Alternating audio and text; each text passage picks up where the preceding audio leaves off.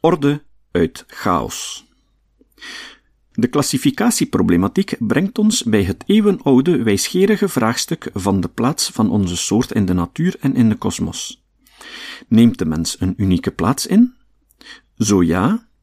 Is hij daardoor geprivilegeerd, of is het eerder een reden tot eenzaamheid en angst, zoals de Franse filosoof Blaise Pascal het uitdrukte in zijn Pensées? In tegenstelling tot wat vaak wordt aangenomen, ontstond het geloof in buitenaards intelligent leven niet recent.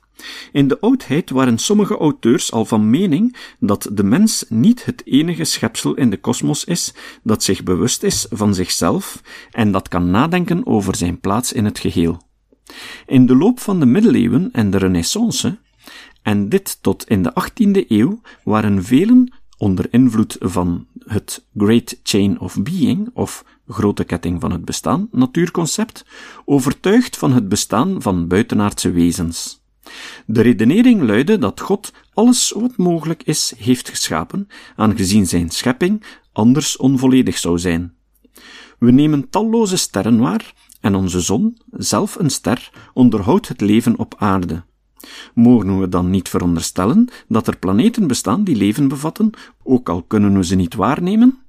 En kunnen wij ons geen verstandiger wezens dan de mens inbeelden, die een plaats innemen tussen ons en de spirituele wezens in de grote ketting van het bestaan?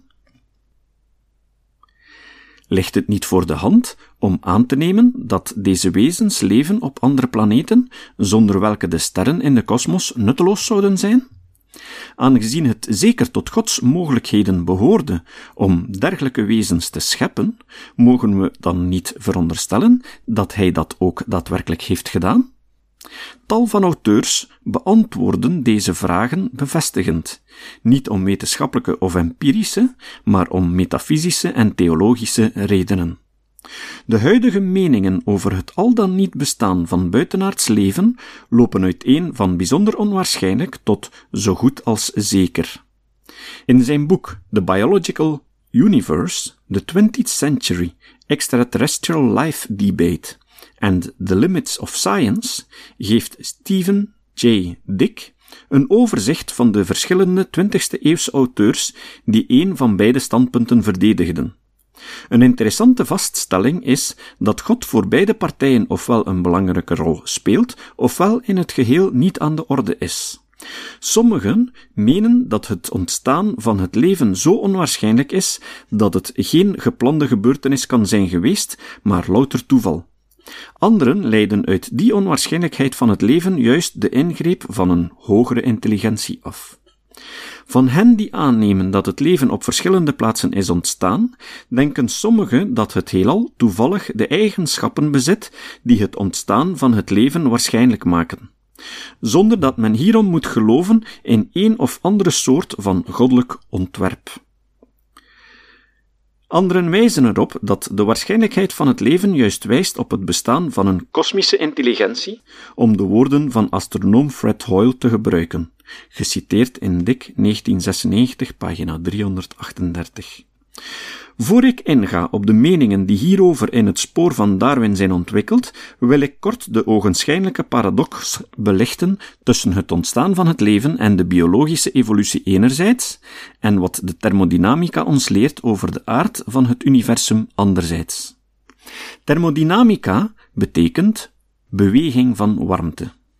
Rond het eind van de 18e en het begin van de 19e eeuw groeide het inzicht dat er een verband bestaat tussen arbeid en beweging van warmte. Men vroeg zich in het spoor van de ontwikkeling van de stoommachine bijvoorbeeld af hoeveel arbeid de warmte van een bepaalde hoeveelheid hout of koolstof kan opleveren. Men zag het bestaan in van een soort eenheidsmunt die alle vormen van arbeid en warmte weergeeft, namelijk energie.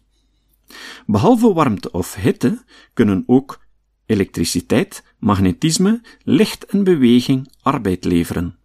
Die verschijnselen zijn, evenals arbeid zelf, vormen van energie, concludeerde men. Het eerste hieruit afgeleide inzicht is dat de hoeveelheid energie in een gesloten systeem, of in het hele heelal, behouden blijft, iets wat Newton overigens al vermoedde. Er kan geen energie worden bijgemaakt. Niets ontstaat uit niets. Evenmin kan energie worden vernietigd. Dit is de eerste wet van de thermodynamica. De ene vorm van energie kan wel in een andere vorm worden omgezet, maar, zo luidde het tweede inzicht, daarbij wordt steeds een deel omgezet in een niet langer omzetbare gedaante. Dat wil zeggen dat energie altijd verandert van een bruikbare naar een minder bruikbare vorm. Ze verdwijnt niet, noch wordt ze vernietigd, zie de eerste wet, maar ze verandert in een vorm waarmee geen arbeid kan worden geleverd, namelijk warmte. In 1850 noemde de Duitse fysicus Rudolf Clausius die onbruikbare energie entropie of wanorde. Clausius begreep dat entropie ontstaat of toeneemt telkens wanneer een bepaalde vorm van energie omgezet wordt in een andere vorm. Dat wil zeggen, telkens wanneer arbeid wordt geleverd. Dit is de tweede wet van de thermodynamica. In het heelal neemt de entropie of wanorde voortdurend toe. De ultieme consequentie daarvan zal de zogenaamde warmtedood van het heelal zijn. Een toestand waarin niets meer kan gebeuren omdat geen arbeid kan worden geleverd. De thermodynamica introduceerde een tijdsrichting in de fysica. Voorheen speelde de richting van de tijd geen rol in de wetenschappelijke benadering van de natuur, omdat men uitging van de tijdloosheid van de natuurwetten. Ze golden zowel voor het verleden, het heden als de toekomst. Newtons dynamica laat ons bijvoorbeeld toe zowel gebeurtenissen in het verleden te voorspellen, als gebeurtenissen die zich nog moeten voordoen. Zijn fysica kent met andere woorden geen pijl van de tijd. In de thermodynamica daarentegen is dit duidelijk wel het geval. Processen waarbij energie wordt omgezet zijn onomkeerbaar. Door de entropiewet komt men, indien men een energetisch proces in de tijd zou omkeren, nooit bij dezelfde hoeveelheid aanvangsenergie uit. Toename van wanorde is onvermijdelijk.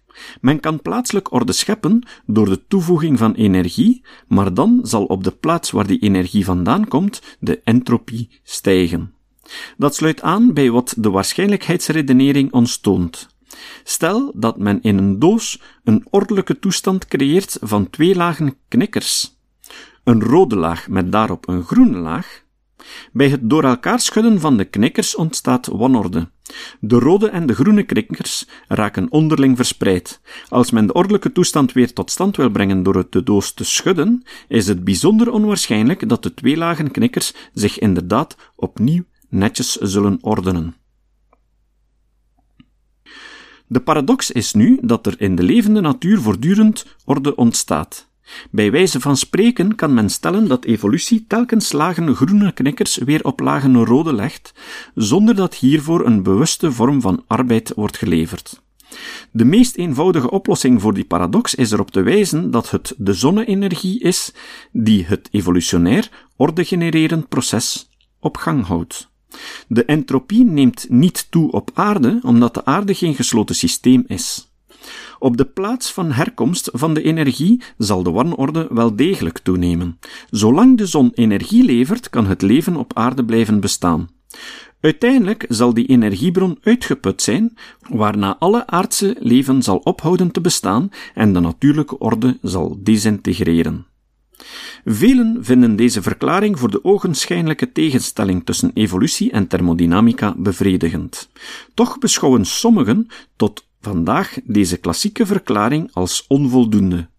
Binnen de zogenaamde complexiteitswetenschappen, die de laatste jaren steeds meer aandacht krijgt, wordt het bestaan geopperd van een pendant van de tweede wet van de thermodynamica, dus van de entropiewet. Zo niet, stelt men, dan valt het voortdurende ontstaan van orde, zowel op aarde als in het hele universum, niet geheel te begrijpen. De auteur die deze gedachte het meest uitgesproken naar voren brengt, is Stuart Kaufman. Hij ziet in zelforganisatie de sleutel tot het begrijpen van die hypothetische ordewet. Kaufman wijst er terecht op dat door Darwins evolutietheorie een natuurbeeld groeide dat de orde als gedeeltelijk toevallig beschouwt. Ook de mens, die deel uitmaakt van die orde, is een gedeeltelijk contingent product van de evolutie. Mocht het leven op aarde uitsterven en daarna opnieuw ontstaan, dan zou de mens naar alle waarschijnlijkheid niet opnieuw evolueren. Kaufman heeft het moeilijk met de filosofische implicaties van dit inzicht. Hij wijst erop dat het Darwinisme velen met een spirituele honger achterlaten. 1995, pagina 4.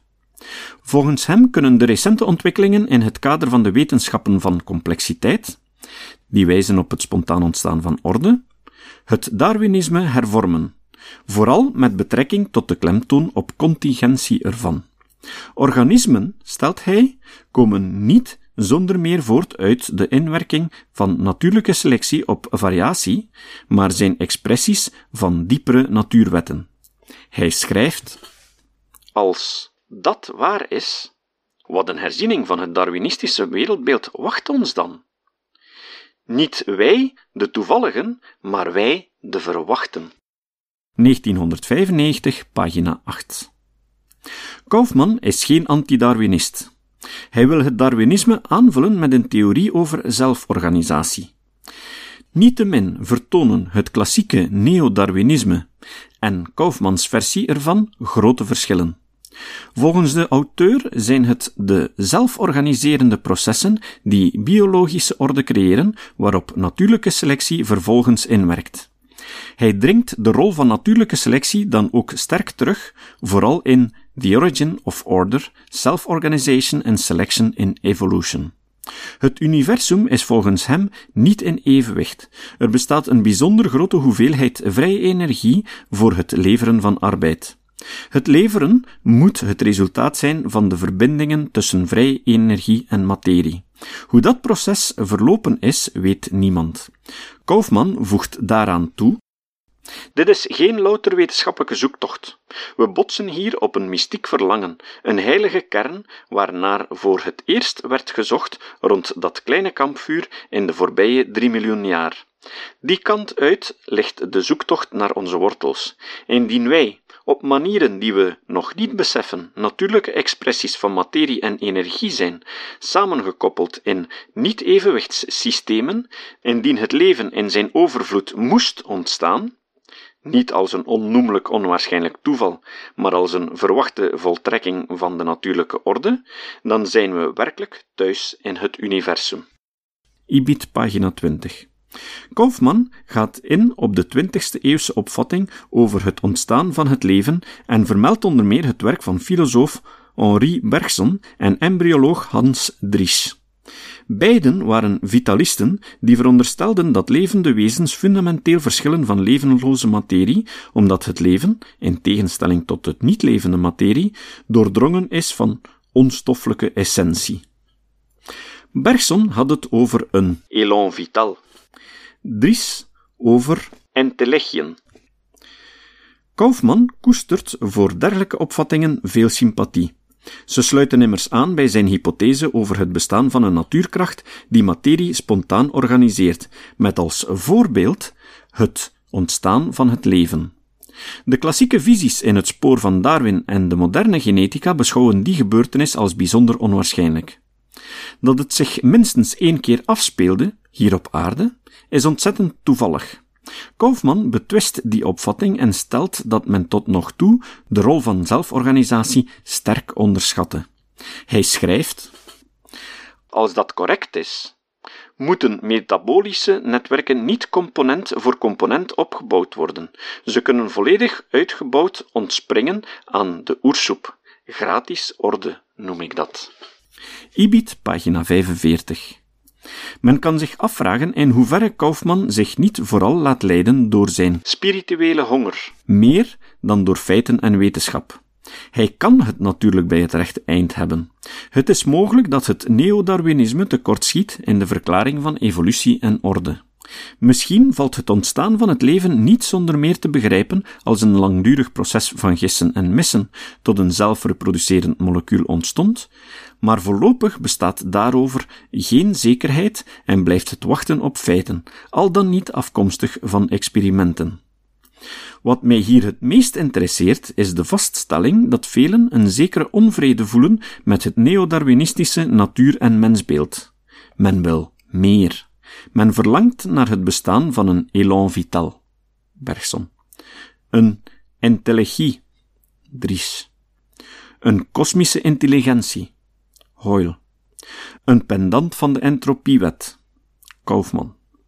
Men wil thuis zijn in het universum, verwacht zijn, men wil dat er een ultiem doel, een omegapunt, de jaar de Chardin, bestaat.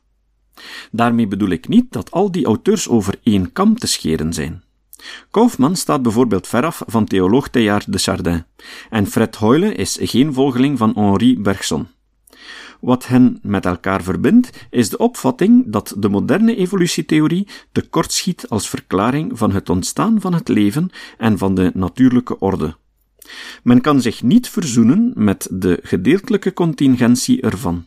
Kortom, om opnieuw met Daniel Dennett te spreken, men vindt een verklaring aan de hand van kranen onvoldoende en blijft zoeken naar hemelkranen. De klassieke visie waar de kritiek op gericht is, bespreek ik in het volgende onderdeel.